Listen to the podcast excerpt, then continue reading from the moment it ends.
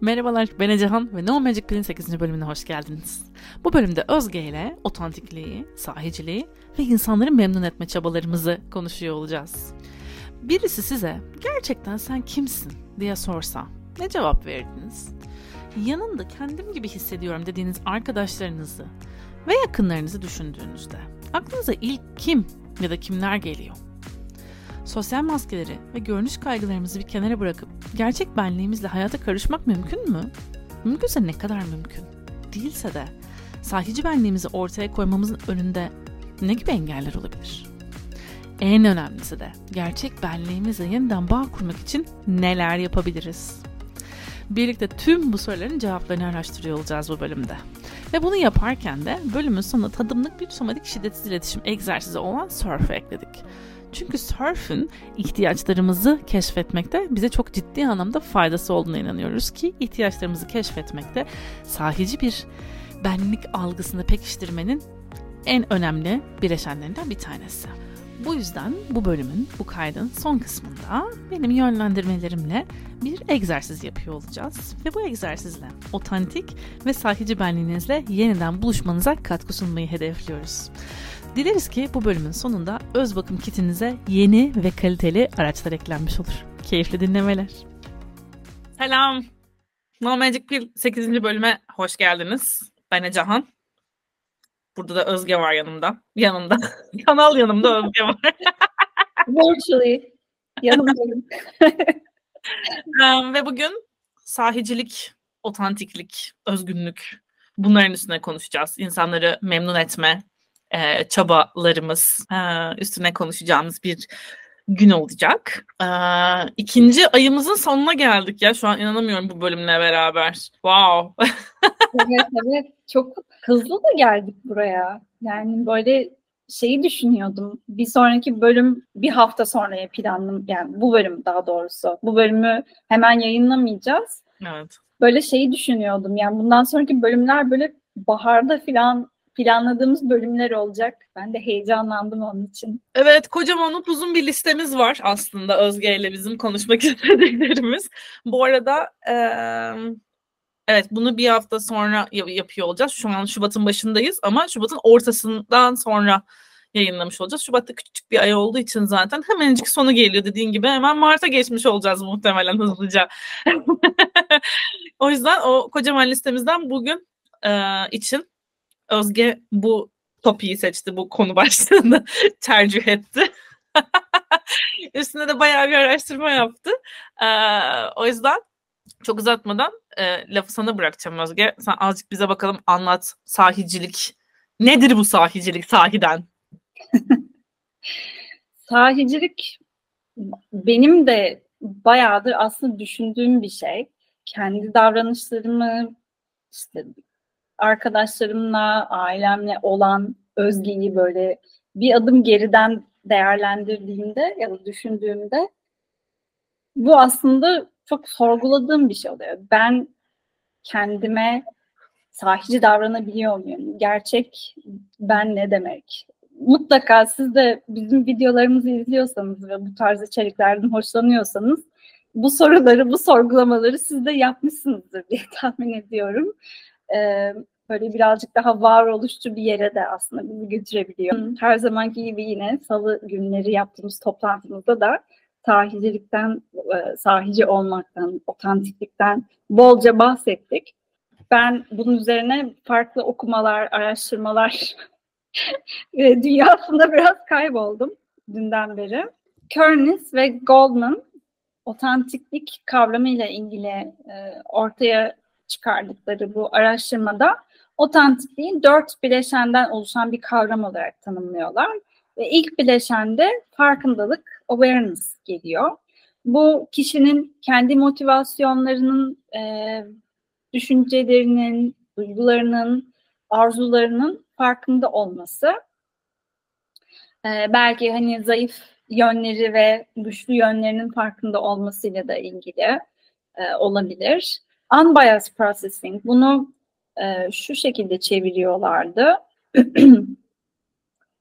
Yansız işlem yani tarafsızlık gibi düşünebiliriz. Objektif bir şekilde e, kendini yine kendine e, kendiyle alakalı bilgileri self e, evaluative yani kendini değerlendirmesine yardımcı bilgileri yine objektif bir şekilde aslında e, değerlendirebilmesi, işleyebilmesi, içsel deneyimini daha e, objektif bir şekilde değerlendirebilmesinden bahsediyor. Üçüncü bileşeni davran, davranışlarla ilgili. E, bu da aslında tahmin edebileceğiniz üzere e, kişinin değerlerinin, işte duygularının, ihtiyaçlarının, tercihlerinin tutarlı olması e, ve o değerlere yönelik aslında aksiyon alabilmesi. Bir de ilişkisel bileşen var. Bu belki de yine en önemlilerinden. E, burada dürüstlüğü vurguluyor e, çalışmayı yapanlar. Yani ilişkin içerisinde dürüstlüğün olması, özellikle yakın ilişkilerde kişinin belki hani o incini bilirliğini gösterebilmesi de diyebiliriz. Bu kelime kullanılmıyor araştırmada ama e, belki hani o başkalarından saklama eğiliminde olduğumuz yönlerimizi göstermeye açık olması. Değil mi? Her şey böyle maskeli bir şekilde yaşamak değil de ara sıra o maskeyi kaldırıp gerçek benliğini, gerçek kimliğini yakınlarınla paylaşabilmek. E, dolayısıyla böyle dört bileşenden bahsediyorlar. Bunun ölçeği de var. Hatta bu Türkiye'de de e, test edilmiş. Onların linkleri de zaten açıklamalarda olur. E, ben bunun yanı sıra birkaç farklı da, e, tanımdan daha bahsetmek istiyorum aslında. Kearns ve Goldman'dan biraz bahsettik. Onlar genel olarak şöyle diyorlar aslında. Bireyin kendi gerçek benliğini yaşamına yansıtması olarak tanımlıyorlar otantikliği. Bir de Burks ve Robbins diye iki araştırmacı var. Onlar da bireyin başkalarından etkilenmeden hareket edebilmesi olarak tanımlıyorlar. Ee, diğer bir araştırmacı demiş ki işte davranışta bulunurken düşünce ve duygular e, ile hani onları tutarlı olması, otantiklik. Yine bileşenlerden de hatırlayacaksınız. Ee, ve başka örnekler mesela başkasının etkisinde kalmamak olarak tanımlanmış sahici olmak. Kendini bütün fonksiyonlarıyla gösterme. Ee, bir de yine Maslow'a buradan atıfta bulunup kendi ihtiyaçlarının farkında olup onları yerine getirebilme olarak otantiklik geçmişte de yorumlanmış. Ee, bunların dışında otantik olmaktan bahsettiğimizde aslında biraz bireyin e, ilişkilerinde de sahte olmaması, şeffaf olabilmesinden bahsediyorlar. Yani burada hani şey deriz ya işte başkası olma kendin ol. Böyle çok daha güzel. Burada farkını analım. evet.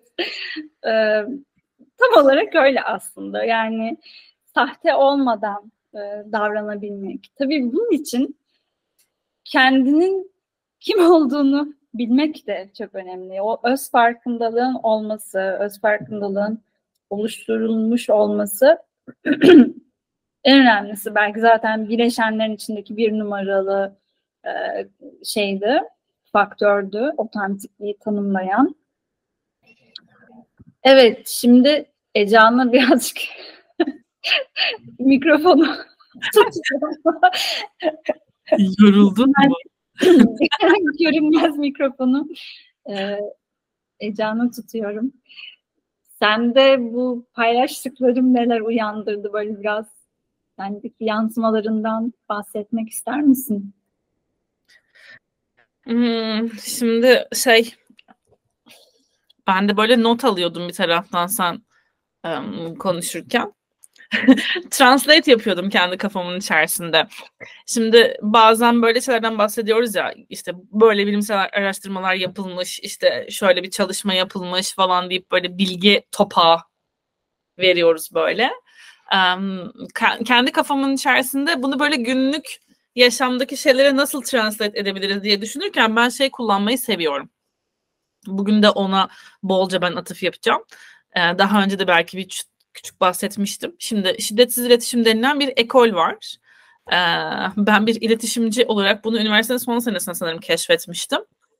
Şiddetsiz iletişim e, kökenlerini humanistik psikolojiden alan bir ekol aslında. E, bunun kurucusu kişi de e, bu alanda çalışan bir araştırmacıymış rahmetli. Marshall Rosenberg'den bahsediyorum.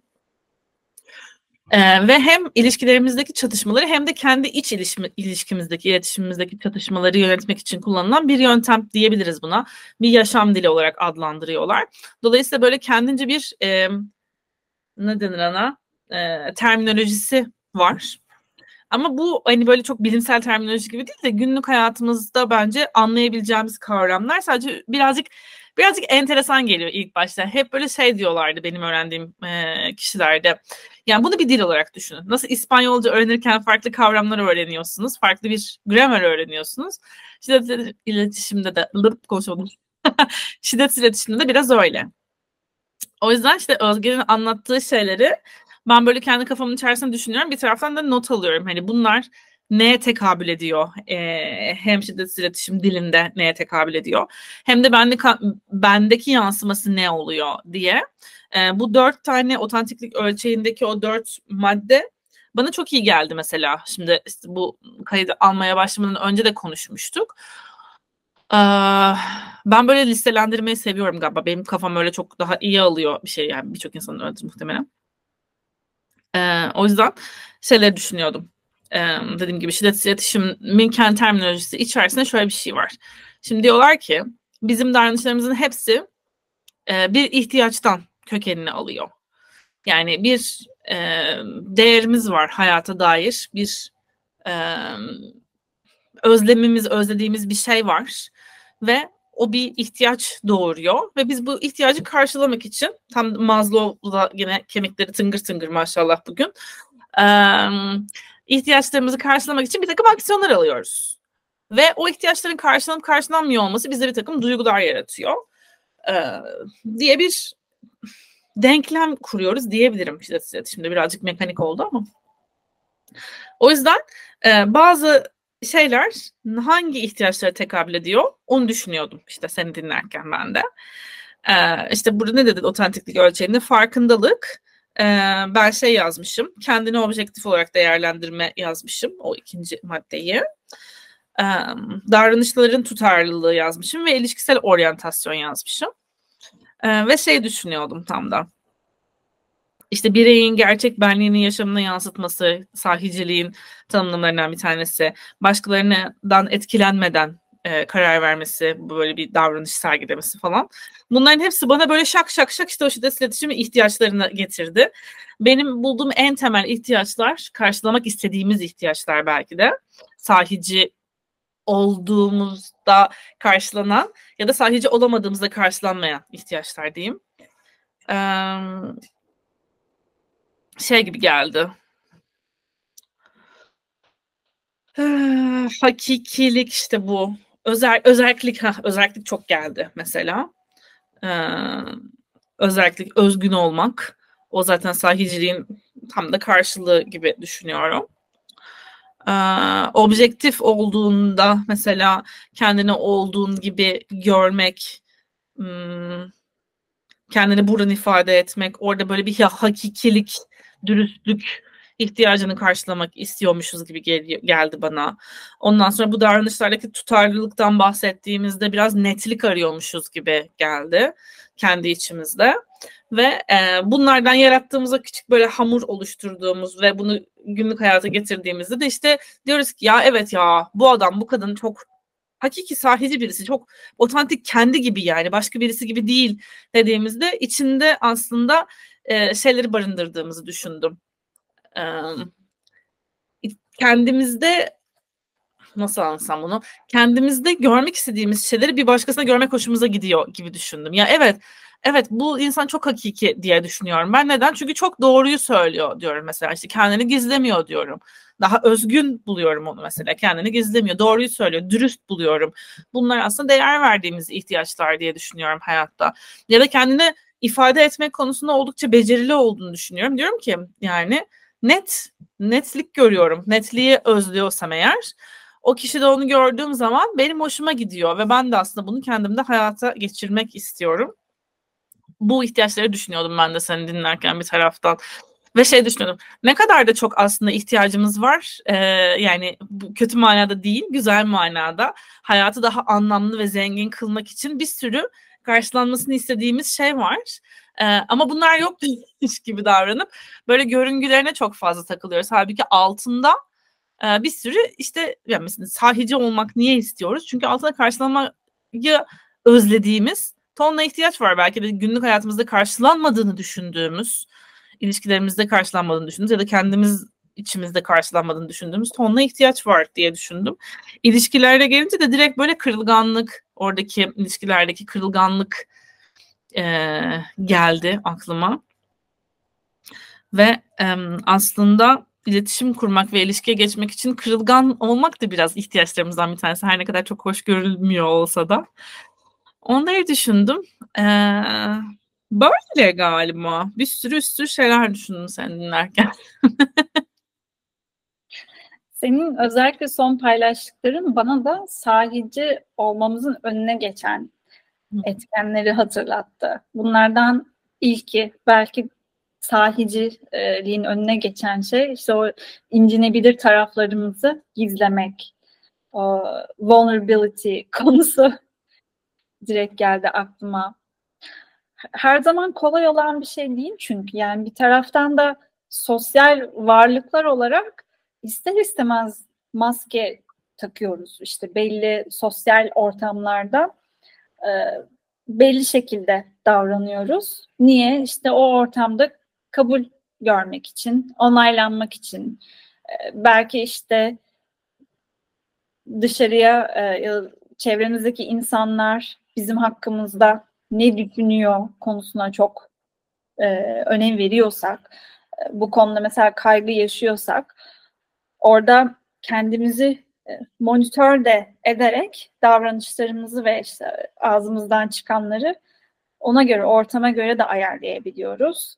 Hatta bunu self monitoring diyorlar. Yani kendimizi gerçekten monitör ediyoruz. Gözlüyoruz böyle bakıyoruz. Evet, gözlüyoruz. Bazen bu tabii e, yani normal insan davranışı da olabiliyor. Şimdi şey de sorguluyorum bir taraftan. Hayatımızda e, her zaman yani 7-24 otantik benliğimizi korumak ne kadar mümkün? Hı hı. Nerelerde kendimizden ödün verirken buluyoruz ya da işte e, çevrenin etkisi altına giriyoruz ve orada kendim o özellik onu terk etmiş oluyoruz bahsettiğin özelliği gibi geliyor. E, dışarının onayına çok fazla e, arzu duyduğumuzda mesela.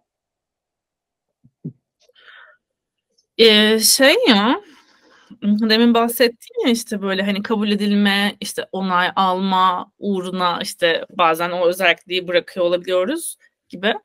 Um, aslında kabul edilme, topluluğun içerisinde kabul edilme, e, dahil olma, topluluktan takdir görme, onay alma da bu bahsettiğim deminki ihtiyaçların arasında. Yani hani bunlar terk etmemiz gereken şeyler. Aman çok kötü kaka bunlar olmasın hayatımızda gibi şeyler değil tabii ki. Yani istediğin gibi sosyal varlıklar olarak yaşadığımız için topluluklar halinde topluluğun içerisine ait olma ihtiyacını duyuyor olmamız da çok mümkün ve karşılanınca iyi duygular yaratıyor içimizde mutlu oluyorum ben. Arkadaşım mesela bana diyor ki bu, bu şey de bence görsel olarak da bir örnek verebiliriz. Arkadaşım diyor ki saçın çok güzel olmuş. Ben de mutlu oluyorum. Niye? Çünkü aslında arkadaşım hem benim e, güzel olduğumu görüyor ki aslında güzellik de bir ihtiyaç. Güzelliği görmeye ihtiyaç duyuyoruz. Ee, hem de beni onaylıyor ve beni aslında kabul ediyor. Diyor ki okey tamam sen güzel görüyorsun. Saçın çok güzel olmuş. Ben seni kabul ediyorum. Topluluğum içerisinde yerin var diyor. Çok minörde düşündüğünde. Çok yüzeysel bir şeymiş gibi geliyor ama önemli bir şey aslında minik de olsa. Ee, o yüzden bu ihtiyaçlarımızı terk edip gitmeliyiz gibi bir şey söz konusu değil. Ama bunları karşılarken işte gene e, şeyden bahsedeceğim. Şiddet İletişim şeyinden Marshall Rosenberg'den kurucusundan. O ise şey diyor.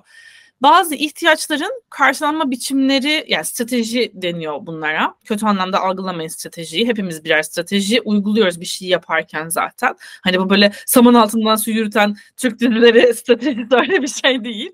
Ee, yani bir aksiyon alma şeklimiz var. Hayatta bir eylem yapma şeklimiz var. Bazı yaptığımız eylemler, davranışlar e, diyor ki Marshall Rosenberg ihtiyaçları karşılamaktaki trajik çabalarımızdır diyor. E, yani tamamıyla kendimizi terk edip onay alma ya da kabul edilme ihtiyacını karşılamaya yönelik davranıyorsak o zaman kendi değerlerimizden ödün vermiş oluyoruz. Kendimizden ödün vermiş oluyoruz. Ortakta pek kendimiz diye bir şey kalmamış oluyor. Dolayısıyla burada da evet bir kabul görme ihtiyacı karşılanıyor ama özgünlük, o özellik, o ım, kendime ait olan şeylerin ihtiyacı karşılanmıyor. Sadece diğerlerine sanki böyle bir fener gibi düşündüm. Feneri böyle diğerlerine çeviriyorum ve sadece onları aydınlatıyorum. Ama ben tamamen karanlıkta kalıyorum bu durumda. Ee, bugün belki biraz şeyden de konuşacağız. Belki değil konuşacağız zaten. Ee, kişileri memnun etme yönündeki bitmek bilmeyen çabalarımız ee, özellikle Türkiye'de ve benim gördüğüm kadınlarda çok sıkça ım, görülen bir davranış değil mi? Yani a işte ben bir şey yapayım benim için iyi desinler. Belki böyle düşünmüyorsundur ama neticede hani en azından ya onu memnun edeyim yani. O kişiyi memnun edeyim ama ben orada neler yaşıyorum yani bu işten memnun muyum memnun değil miyim orasını hiç düşünmüyorum bile işte o kendime dair olan o özellik, özgünlük, sahicilik ihtiyacımı tamamen bloke edip işte toplumdan kabul göreyim, takdir göreyim, onay alayım, e, dahil olayım ki ben hani ait hissedeyim kendime gibi bir yere gidiyor. Sen ne düşünüyorsun bu e, bitmek bilmeyen memnun etme davranışımız hakkında? ben düşünmekte kalmıyorum onu hayatımın bayağı bir yani hala da diyebilirim orada bir e, sınır getirmeyeceğim. Hayatım boyunca benim de hep yaşadığım bir şey oldu. Yani o insanları memnun etme çabası benim de içselleştirdiğim bir şey ve onun farkında olmaya gayret ediyorum. Senin en son bahsettiklerin o aynı zamanda e, ihtiyaç olan şeyler işte onay alma, kabul görme, ait olduğumuzu hissetme, dediğin gibi yani onlar insani ihtiyaçlar ama ben de şeyi düşünüyordum. Nerede tehlike çanları çalmaya başlıyor.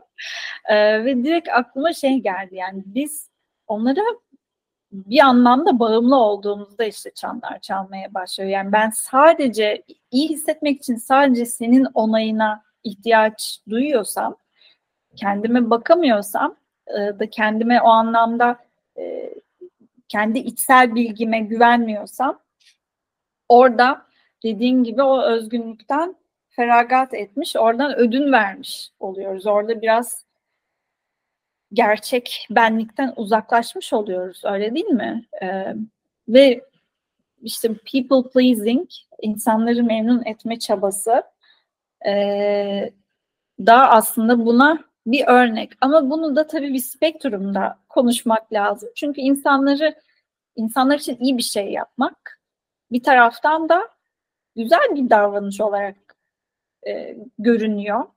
E, ama bu seni ne kadar kendi gerçekliğinden, gerçek benliğinden uzaklaştırıyor. İşte orada bir takım problemler başlıyor gerçekten. Çünkü şeyi de aslında e, araya sıkıştırmak istiyorum. Ben araştırmaları okurken otantiklik hayatımızı nasıl etkiliyor? Bunları da biraz bakmıştım. Hmm. Mesela e, benlik saygı, e, evet benlik saygısı ya da self esteem oluyor bu değil mi? Hı hı. Öz, öz saygınlıktan bahsediyor galiba. Burada öyle çevrilmiş ama e, muhtemelen ondan bahsediyordur diye düşünüyorum. İşte empati, kurabilme, öznel iyi oluş, sağlıklı ilişki oluşumu, psikolojik sağlık e, gibi e, şeylerle olumlu bir ilişkisi olduğu görünüyor. Yani otantik olabilen insanların bu anlamda Hı. sağlıklı olduğunu gösteriyor araştırmalar. E, ama otantik olamayan kişilerde mesela e, daha çok stres ve depresyona rastlanmış. E, bunlar yine burada bir nedensellikten bahsedemeyiz. E, özel olarak nedensellikle alakalı bir çalışma değilse ama hani böyle bir ilişki e, söz konusu. Otantik olmak aslında bizim iyi oluş halimizi destekleyen bir şey. Onun için aslında e, bu konuyu zaten ele alıyoruz, konuşuyoruz. E, diğer taraftan tekrar people pleasing'e geri dönersek e, yine Aposto diye bir e, site var. E, belki biliyorsunuzdur siz de. Orada aslında e, bunun travma tepkisi yönüyle ele almışlardı. E, o Ece'nin da, Ece'nin benim de çok hoşuma gitti oradaki yazı. E, ve şöyle anlatıyordu yazan kişi. E, bu ilk başta hani travma tepkisi olarak belki biliyorsunuzdur kaç savaş, don tepkilerini. Bir de e, fan e, tepkisi var. Bu da Aposto'da e, yazılana göre Pete Walker tarafından ortaya atılmış e, ve kendimizi daha fazla zarardan korumak için tehdit olarak algılanan durumlarda karşımızdaki memnun etmeyi ve yatıştırmayı amaçlayan ve genellikle bilinçsiz olarak yaptığımız davranışı tanımlıyor diye, e, diye açıklamışlar. E, bunu bir tür başa çıkma mekanizması olarak da anlatıyorlar. Yani çatışmadan kaçma eğilimindeyse kişi orada karşısındakini memnun ederek ya da onun istediği yönde hareket ederek, onun istediği şekilde davranarak aslında e, olası bir tartışmadan da kaçınmış oluyor. Bir taraftan e, bunun sağlıklı yönü de var. Hı E, Fan tepsin diyor ki işte başkalarına aslında şefkat duyabilmemizi de, o şefkat kapasitemizi genişletmemizi de destekliyor. Eğer bunu doğru yerde, doğru şekilde e, kullanabilirsek. Tabi başta da söylediğim gibi bu çok bilinçle böyle bilinçli bir şekilde ayarlayabildiğimiz bir şey de değil. E, çünkü içselleştirilmiş bir tepki de olabiliyor. Aynen kaç savaş, don gibi. Yani e, bunu hani vücudumuz e, sinir sistemimiz bir şeye tepki gösteriyor ve o anda şey düşünmüyoruz aa işte bu tehdit gibi ben şimdi kaçayım diye bir düşünce araya girerse o zaman zaten aslan bizi yedi ve öldük. ee, orada bitti. Dolayısıyla çok e, otomatik bir şekilde, hızlı bir şekilde işliyor. Ama e, eğer toksik bir ilişki içindeysek işte orada kendi gerçek benliğimizi koruyamamış oluyoruz. E, ve Maslow'un hiyerarşisindeki o self-actualization, üçgenin e, piramidin en tap noktasına ulaşamamış oluyoruz bir taraftan. Çünkü karşılanmamış ihtiyaçlarımız hala bize e, bakıyor. Tam şey düşünüyordum bu konuyla alakalı olarak şimdi. Um, Tam No Magic Pill'in yine ismine yakışır bir şekilde ben e, insan memnun etme çabasını kendini çok e, spiritüel e, görmeyi seven insanlar arasında da çok görüyorum mesela. Yani ben kavga etmem. Yo ben şiddete tamamen karşıyım. Ben hiçbir şekilde kavga etmiyorum, tartışmıyorum. O yüzden milletin dediğini yapıyorum. Ya da ben o kadar esneyim ve o kadar açtım ki zaten benim kendi benliğim yok gibi. Sanki bir egom yok yani hiç egom yok derken hani bunu şey manasıyla psikolojideki manasıyla söylüyorum yani ben denilen bir şey yok. Dolayısıyla ya tabii ki onu da yaparız, tabii ki bunu da yaparız. Sen mutlu ol yeter ki falan gibi çok toksik bir tarafı olduğunu düşünüyordum. Ee, yoga camiasından hatırladığım maalesef. Ee, ve o yüzden son zamanlarda bu çok fazla konuşulmuyor diğer travma tepkileri gibi bence.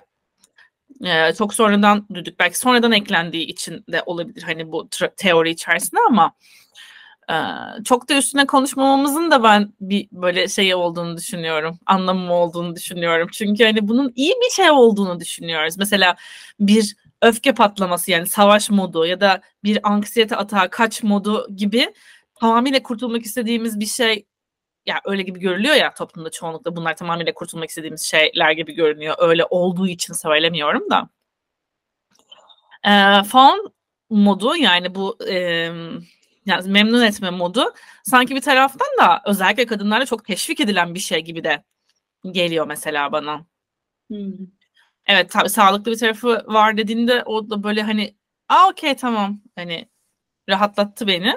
Ama sağlıksız kısmı çok teşvik ediliyormuş gibi geliyor. Yani sanki senin bir benliğinin olmaması gerekiyormuş gibi oluyor bazen. Yani insanları memnun etmek zorundaymışsın. Sanki o yüzden doğmuşsun gibi bir hal çok gözlemlediğim oldu.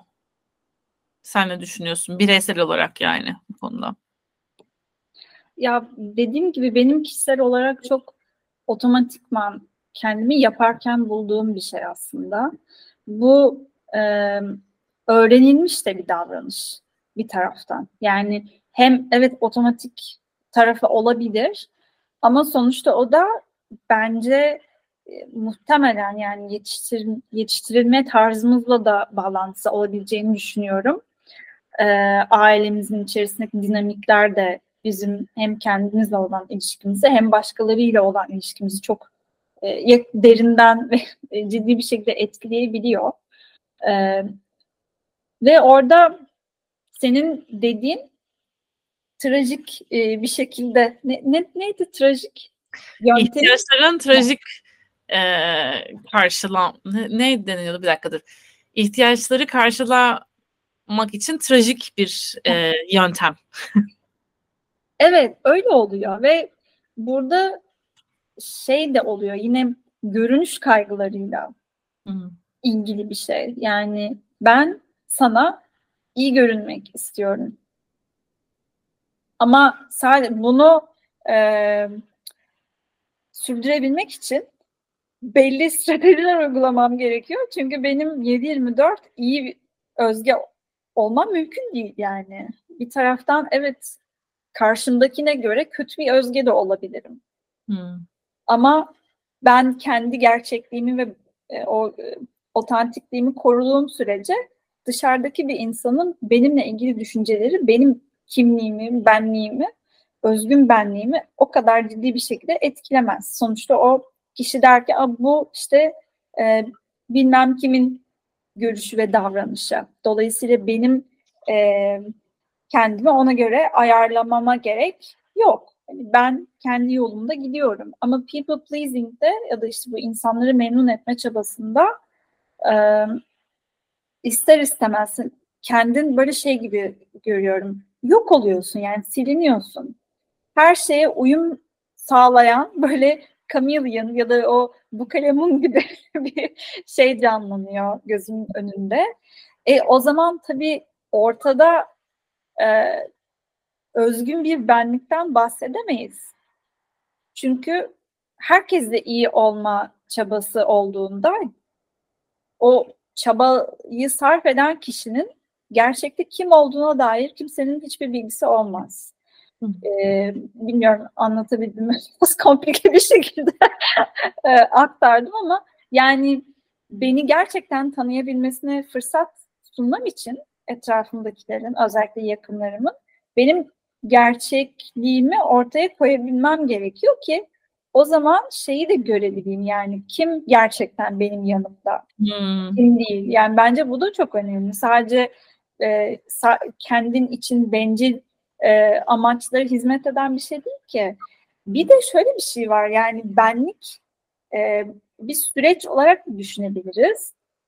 E, belli kişilik özelliklerimiz stabil kalıyor yıllar içerisinde o kadar böyle derinden değişmiyor ama bir taraftan da yaşadığımız deneyimler, travmalar, işte olumlu ya da olumsuz şeyler, kimliklerimizin işte ebeveynlikle değişmesi ya da bir kronik hastalıkla değişmesi e, gibi şeyler bizim kimliğimizi de kendimizi nasıl tanımladığımızı da etkileyebiliyor. Bu anlamda aslında benlik ihtiyaçlar bunlar değişken şeyler ve süreç içerisinde e, bizimle büyüyor gibi düşünüyorum ben. E, dolayısıyla o şahitlik yapabilecek senin hmm.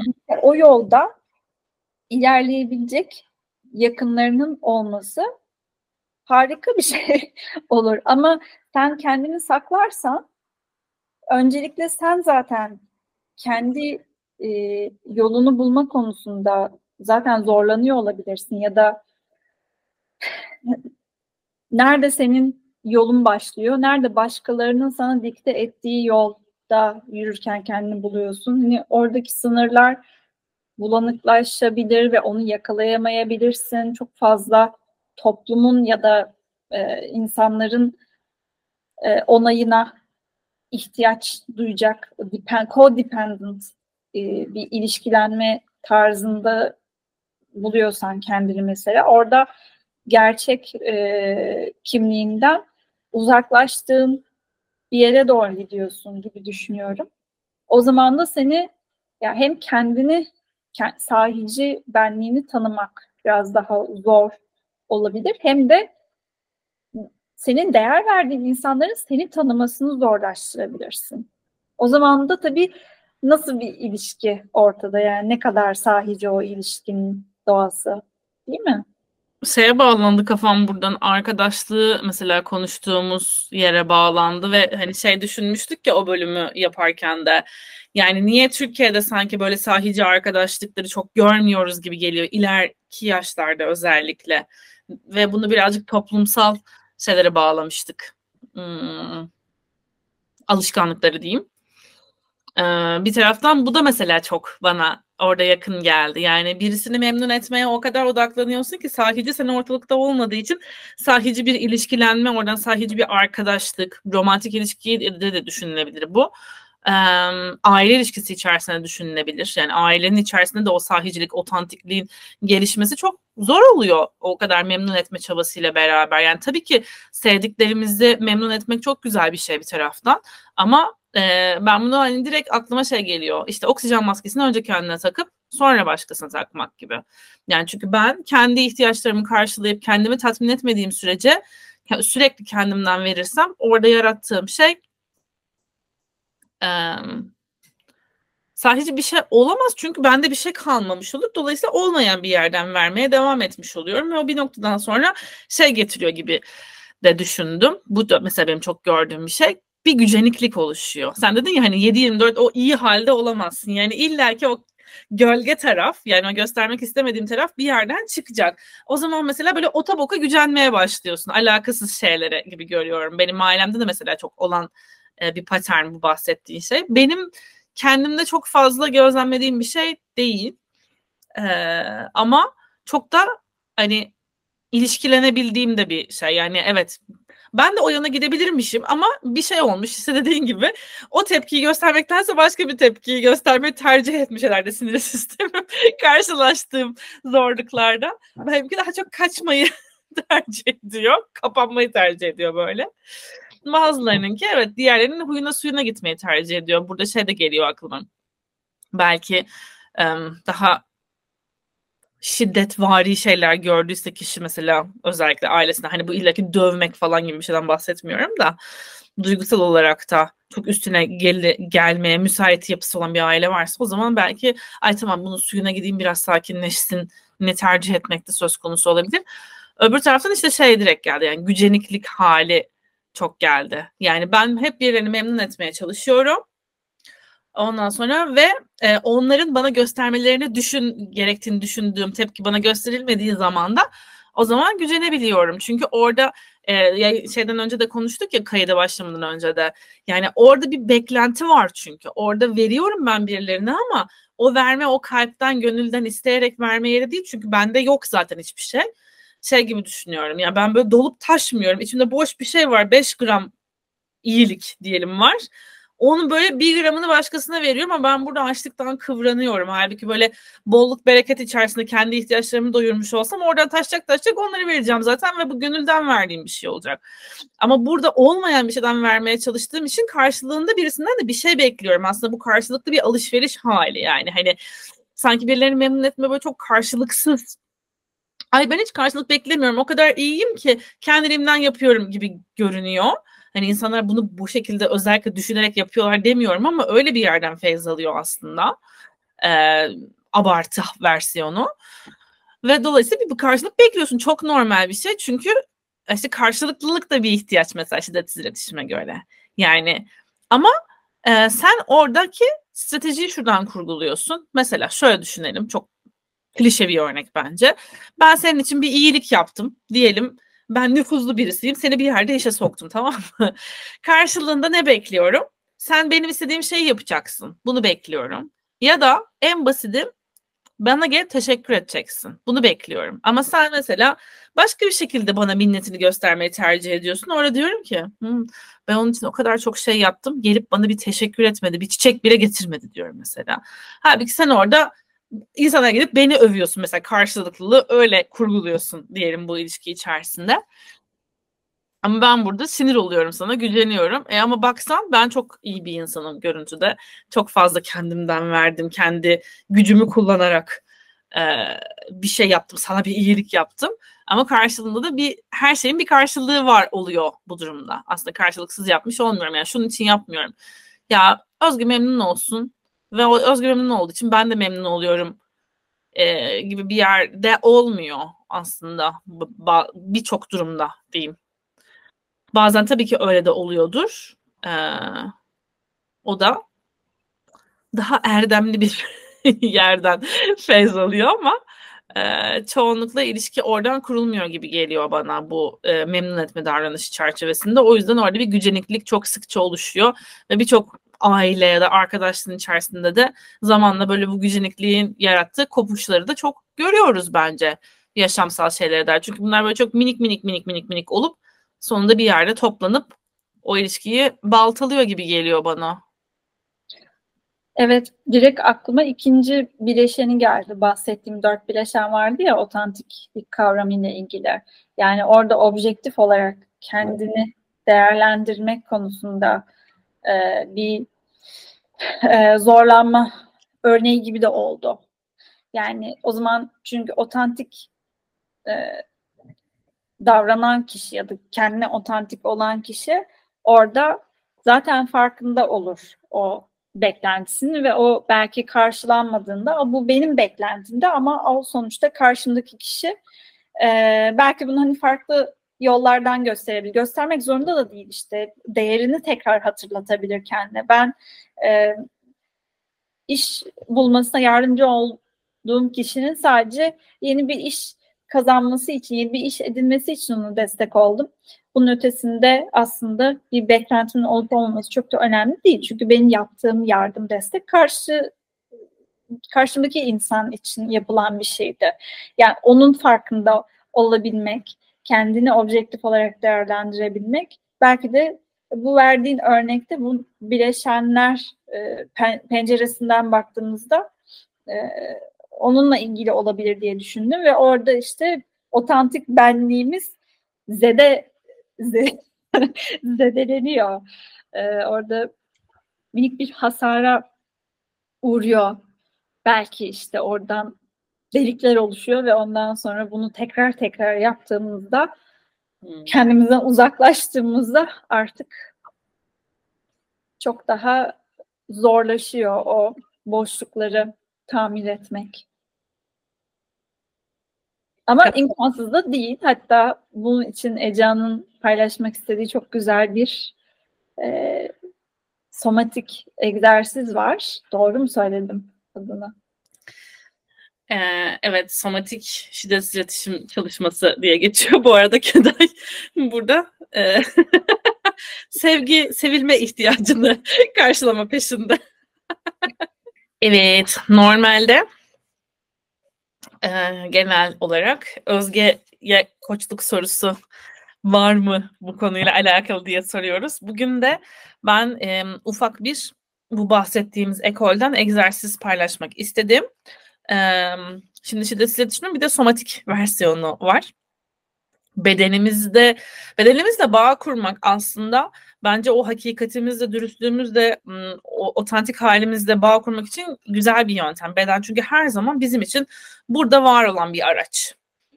Bazen zihnimizin içerisinde işte Özgün dediği gibi o travma tepkileriyle vesairelerle beraber çok karışabiliyor. Bazı şeyler otomatik olarak çıkıyor bizden. Tepkiler. Onları belki o anda yakalamak mümkün değil ama sonrasında üstüne çalışmak için bedenle çalışmak güzel. Ee, ve dediğim gibi kolay aslında. Yani kolay derken basit ama kolay değil derler ya böyle hani şey e, orada var her zaman çalışabileceğimiz bir araç çok çalışmayı tercih etmiyoruz bir sürü sebeplerden ötürü ama bugün belki siz de bizimle beraber bu egzersizi yapıp e, eğer ki varsa böyle bir memnun etme çabanız, onun altındaki ihtiyacı bulabilirsiniz. Ya da bir memnun etme çabanız yoksa kendi sahiciliğinizle bağ e, kurarken neler deneyimliyorsunuz? Nasıl bir bağ kuruyorsunuz? Bedeninizin içerisinde nasıl duyumlar yaratıyor bunlar? Onların farkına varabilirsiniz. Şimdi ekranda bir tane liste var. E, ondan bahsederek başlayacağım. Şimdi bu listede bu tam bir liste değil ama e, bu şiddetsiz iletişimin evrensel ihtiyaçlar adını verdiği e, bir ihtiyaçlar listesi var. O liste bu liste işte. Burada sanırım 7 temel kategoriye ayırmışlar yanılmıyorsa. Onun altında da e, minik minik liste maddeleri var. Dediğim gibi bu tamamıyla full sıralı liste değil. Başka şeyler tabii ki sizin ihtiyaçlarınız içerisinde dahil olabilir. Çünkü insan ihtiyaçları ya da özlemleri ya da değerleri hani hiç bitmeyen ve sonu gelmeyen, her an değişebilen şeyler. Bugün ihtiyacınız olan şey yarın olmayabilir. Ya da daha öncesinde ihtiyacınız olmadığını düşündüğünüz bir e, değer şu anda sizin ihtiyacınız olabilir. Bu her an değişebiliyor. E, o yüzden bugün birkaç tane şeyi inceliyoruz. Bunlardan konuştuk ama siz başka bir ihtiyaçta da tabii, tabii ki çalışabilirsiniz bu e, teknikte. Bugün biz e, özerklikten, özgünlükten bahsettik burada. Şimdi listeye ben de bakıyorum şuradan. İlk başta var zaten özellik, otonomi, insanın kendi hayallerini, düşlerini, hedeflerini seçmesi. Tam da sahiciliğin karşılıklarından bir tanesi gibi. Ee, kendi planını seçmesi mesela ayrı bir madde olarak burada yazılmış. Bütünlük dürüstlüğün içerisinde hakikilikten bahsedilmiş mesela. Ee, o da konuştuğumuz şey. Sahicilik, hakikilik aynı şey zaten. Karşılıklı bağlılık içerisinde mesela memnun etme ihtiyacımızın altında yatan şeylerin bir kısmını e, bulabiliriz. İşte duyulmak, görülmek, kabul, takdir görmek, takdir edilmek gibi bir şey. Değer ım, verilmesi size. Düşüncelilik mesela bir ihtiyaç. Düşünceli olma e, haline de ihtiyacımız var. Kendimizden başka birilerini gözetmeye de ihtiyacımız var falan filan gibi bir sürü burada değerler var. Şimdi sizden yapmanızı rica ettiğim, sizi oraya davet ettiğim şey şu. Kendinize bugün çalışmak istediğiniz bir ihtiyaç bu listeden seçebilir misiniz? Bu e, dediğim gibi sizde hiç şu ana kadar var olmadığını düşündüğünüz bir şey olabilir. Hiç bağlantı kurmadığınızı düşündüğünüz bir şey olabilir ve bağlantı kurmayı tercih edebilirsiniz. Ben mesela işte memnun etmeye çok yatkın değilim dedim.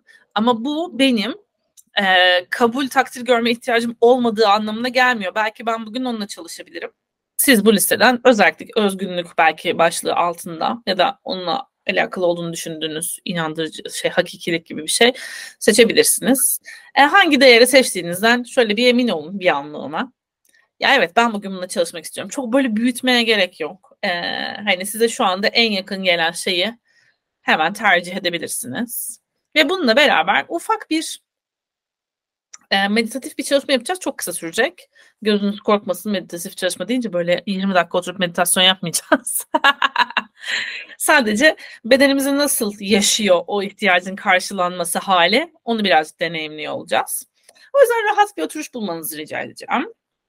Ee, bu normal sandalyede şöyle sırtınızı belki benim mesela arkamda duvar var oraya yaslamak gibi bir şey olabilir. Siz bir kanepede falan oturuyorsanız böyle kaykılmış bir pozisyondaysanız ee, belki sırt üstü yatmayı tercih edebilirsiniz şu anda. Hiç önemli değil. Önemli olan şöyle rahat ve düz durduğumuz görece bir pozisyon oluşturmak. Gözleriniz açık ya da kapalı olabilir. Canınız nasıl isterse. Gözleriniz açık olacaksa karşıda kendinize böyle gözünüz dalmış gibi bir bakış noktası belki bulabilirsiniz. Ve önce birazcık böyle köklenip yerleşelim. Bu çalışmanın adı surf. Surf e, bu kelimeyi oluşturan harflerin ne de akrostiş deniyor galiba buna. Yani birçok kelimenin kısaltması aslında. E, ilk adımı o yüzden shape, surf'ün sesi.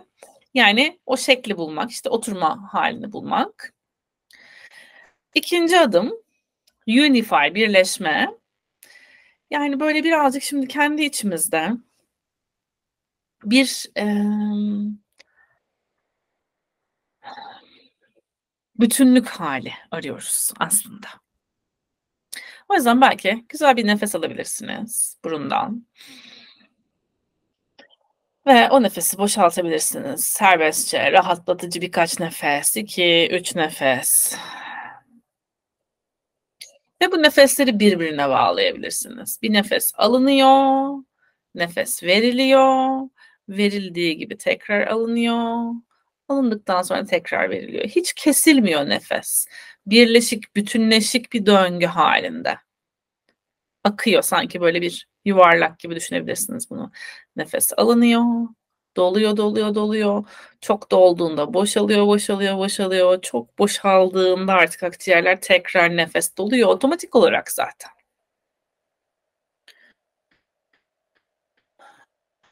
Üçüncü adıma geçiyoruz buradan. Resource yani kaynak. Oradaki o ihtiyacımızla buluşacağımız yer burası. Ve bedeninize şu soruyu sormanızı rica ediyorum. Kendi değerinizi hatırlayın. Bu değerden bedenimde birazcık daha fazla olsaydı ya da bu ihtiyacım bir parça daha karşılanmış olsaydı ne hissederdim? Bedenimde ne deneyimlerdim? Bu böyle bir rahatlama hali olabilir. Belki irite olma hali olabilir. O zaman belki birazcık daha tam da böyle bedenimde bu değerden 5 birim değil de 4 birim olsa nasıl olur? 3 birim olsa nasıl olur gibi de soruyu sorabilirsiniz. Oradaki o değerin yoğunluğunu azaltabilirsiniz, arttırabilirsiniz istediğiniz gibi. Birazcık daha olsaydı sadece çok azıcık daha bu değerim tatmin edilmiş olsaydı, bu ihtiyacım karşılanmış olsaydı bedenimde ne olurdu? Dediğim gibi böyle bir rahatlama, gevşeme hissi olabilir. Belki gözünüzün önünde bir takım hatıralar canlanabilir. Belki bir takım imajlar canlanabilir, hatıralar değil de sadece imgeler, görseller. Belki bir duyum olabilir. Isınma, soğuma, karıncalanma gibi.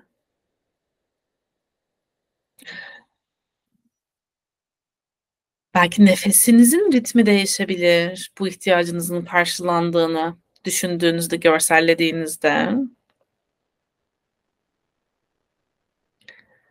Vücudunuzun ısısı değişebilir.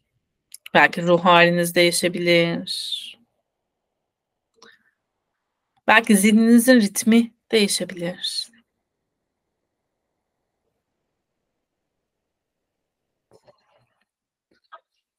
Ve sonra surf'ün son adımına geçeceğiz. Field yani alan. Ortak bir alan yaratıyoruz aslında burada.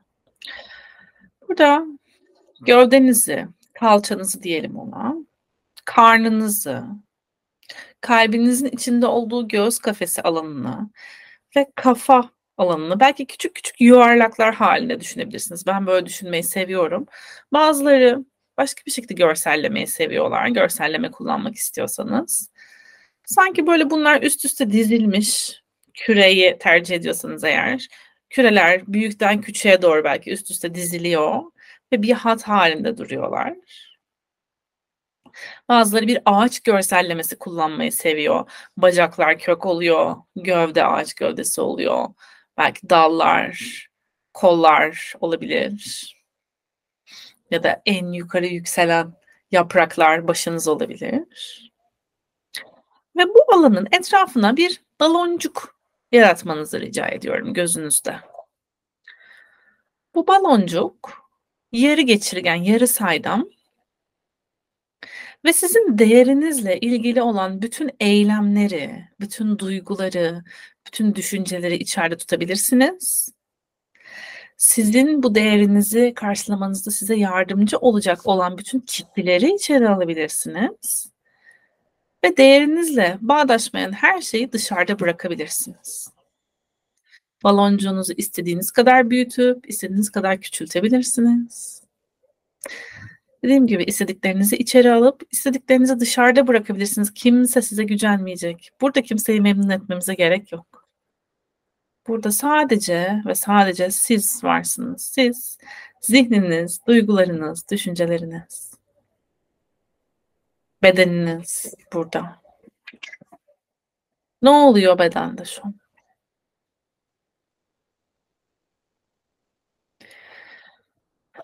Ve yavaş yavaş eğer ki size iyi geliyorsa içinde bulunduğunuz odayı kapsayacak kadar büyütebilirsiniz baloncuğu.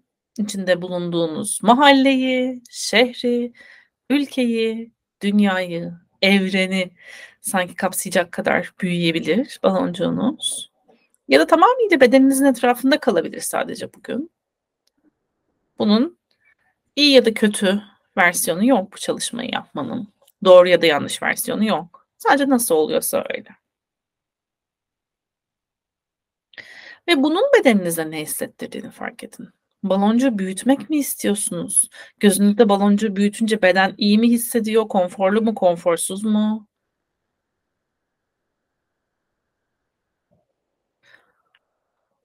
Hazır hissettiğiniz zaman tekrar gözlerinizi açıp içinde bulunduğunuz odaya gelebilirsiniz.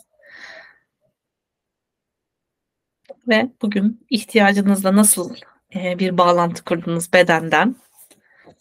Özleminizle nasıl bir bağlantı kurdunuz bedenden? Onunla alakalı isterseniz biraz yazabilirsiniz. bu çalışmanın ardından günlük tutmak, belki resim yapmak, yaratıcı bir şeyler yapmak, iyi gelebiliyor.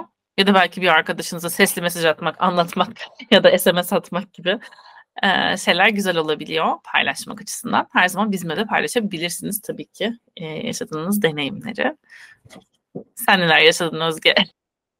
Çok enteresan bir şey hissettim. Ben dürüstlük değerini seçtim. Sen anlatırken birimini istediğiniz gibi ayarlayabilirsiniz. İster işte beş birim, ister iki birim şey diye sordum kendime, bedenime. Bir birim daha dürüst olmak bedenime nasıl yansır, bedenimde nasıl hissettirdi bana diye sordum kendi kendime. Çok böyle belki birkaç saniye sürdü. Karnımın etrafında böyle bir bırakma hali hissettim. Sanki karnımı sıkıyormuşum da böyle bir birim daha bir dürüstlük e, geldiğinde ya da bedenime böyle sanki şey gibi düşün e, kıyafet giyer gibi böyle. Ya da bir şapka böyle dürüstlük bir birim geliyor gibi böyle. E, karnım bir şey bırakmış gibi hissettim ama o bırakmanın ardından böyle kelebekler uçuşur gibi hissedersiniz ya. Öyle bir kaygı sarmalı hissettim orada yani. Böyle bir açıldığını hissettiğinde galiba. Çünkü dürüst kendini yine ortaya koymakla da alakalı şekilleniyor benim zihnimde. Yani hemen böyle bir şey e, orada endişe demeyeceğim ama bir kaygı da geldi yani o bırakmanın yanında. Sonra son aşamada genelde ben zorlanıyorum. O baloncuğu ne kadar geniş ya da küçük tutmam gerektiğini düşünüyorum ya da bilmiyorum. Orada belki kendi kendimi e, blokluyor da olabilirim. Onu birazcık daha böyle geniş zamanda yapmayı deneyeceğim. Ee, ama kendimi dağ gibi düşündüm. Ağaç örneğini vermiştin. Ben kendimi böyle bir dağ gibi canlandırdım zihnimde. Onun etrafında bir baloncuk oluşturdum. O olmadı. O baloncuğu büyüttüm. Olmadı. Çok fazla oldu. Mesela orada rahatsız edici bir his geldi. Ee, daha sonra karnımın etrafına gelecek şekilde küçülttüğümde orada bir, birazcık daha rahatladım. Ee, ama bedensel olarak o hissi deneyimlemek çok değişik geldi bana. Karnımın bir şey bıraktığını, o kaslarım sanki çok kısa bir sürede olsa gevşedi ve rahatladı belki. Bunları deneyimledim. Teşekkür ederim. Çok güzel bir yönlendirme. Ben teşekkür ederim. Senin de paylaşımın çok iyi geldi bana. Herkes surf'ünü istediği gibi ayarlayabiliyor bu arada. Bu pratiğin videosunu da bulurum. E, orijinal e, kaynağından. İsterseniz yapabilirsiniz ayrıca. Dediğim gibi uzun uzun da e, yapmak mümkün. Çok daha uzun. Hmm, o yüzden hani senin o değiştirmelerin de çok kıymetli. Hani dağ görsellemesi, baloncu bütün dağ giydirmek değil de işte karnının etrafına giydirmek gibi şeyler. Çünkü sonuçta bu bir rehberli görselleme, yaratıcı bir meditasyon çalışması diye de düşünebiliriz. Ee, ama deneyimler e, çok şey oluyor değil mi? Güçlü oluyor yani ihtiyaçlarımızla işte o arzularımızla, özenlerimizle, değerlerimizle her ne demek istiyorsanız adına bağ kurmak tam da o yüzden kıymetli. Yani şeyi fark edebiliyoruz. Aa okey tamam gerçekten benim böyle bir ihtiyacım varmış. Yani bu, bu hani sadece bir kelime değil benim için de bir anlam ifade ediyor. Belki oradan otantik ve sahici bir e, ilişkilenme ya da iletişim geliştirmek daha mümkün oluyor o zaman bunu bedenimizde hissettiğimizde. Çünkü ete kemiğe bürünmüş oluyor aslında o kelime. Öyle. O yüzden teşekkür ederim ve umarım da e, dinleyenler, izleyenlere de bir faydası olmuştur. Benim bugün galiba söyleyeceklerim bu kadar. Hoşçakalın diyorum size. Özge'ye bırakıyorum mikrofonu. evet bence kesinlikle çok güzel bir çalışma oldu böyle. Hem e, farkındalıklı sanat, dışa vurumcu sanat e, çalışmalarında küçücük deneyimlemelerine alan açmış oluyoruz. E, koçluğun yanı sıra ve işte mindfulness çalışmalarının yanı sıra. E, o yüzden aslında biz de bir taraftan sahici e, o gerçek benliğimizi yaptığımız şeyleri böyle ortaya koymuş oluyoruz. O beni çok mutlu hissettiriyor. Kendimizden bir parça paylaşmak. E, podcast değilseniz, bize podcast'ten dinlediyseniz e, bu bölümü Ece'nin ihtiyaç listesine bakmak için mutlaka videoya bir göz atın. E, o bu egzersizi daha da kolaylaştıracaktır. Hatta e, belki hani ara verip uygun olduğunuzda egzersizi Ecan'la birlikte e, böyle karşınızda yapmak daha tatlı olacaktır diye düşünüyorum. Çok teşekkür ederiz bizi tekrar dinlediğiniz için ve izlediğiniz için. E, sahicilik, otantik benlik, gerçek olmaktan bahsettik. Bir sonraki bölümde tekrar görüşmek üzere.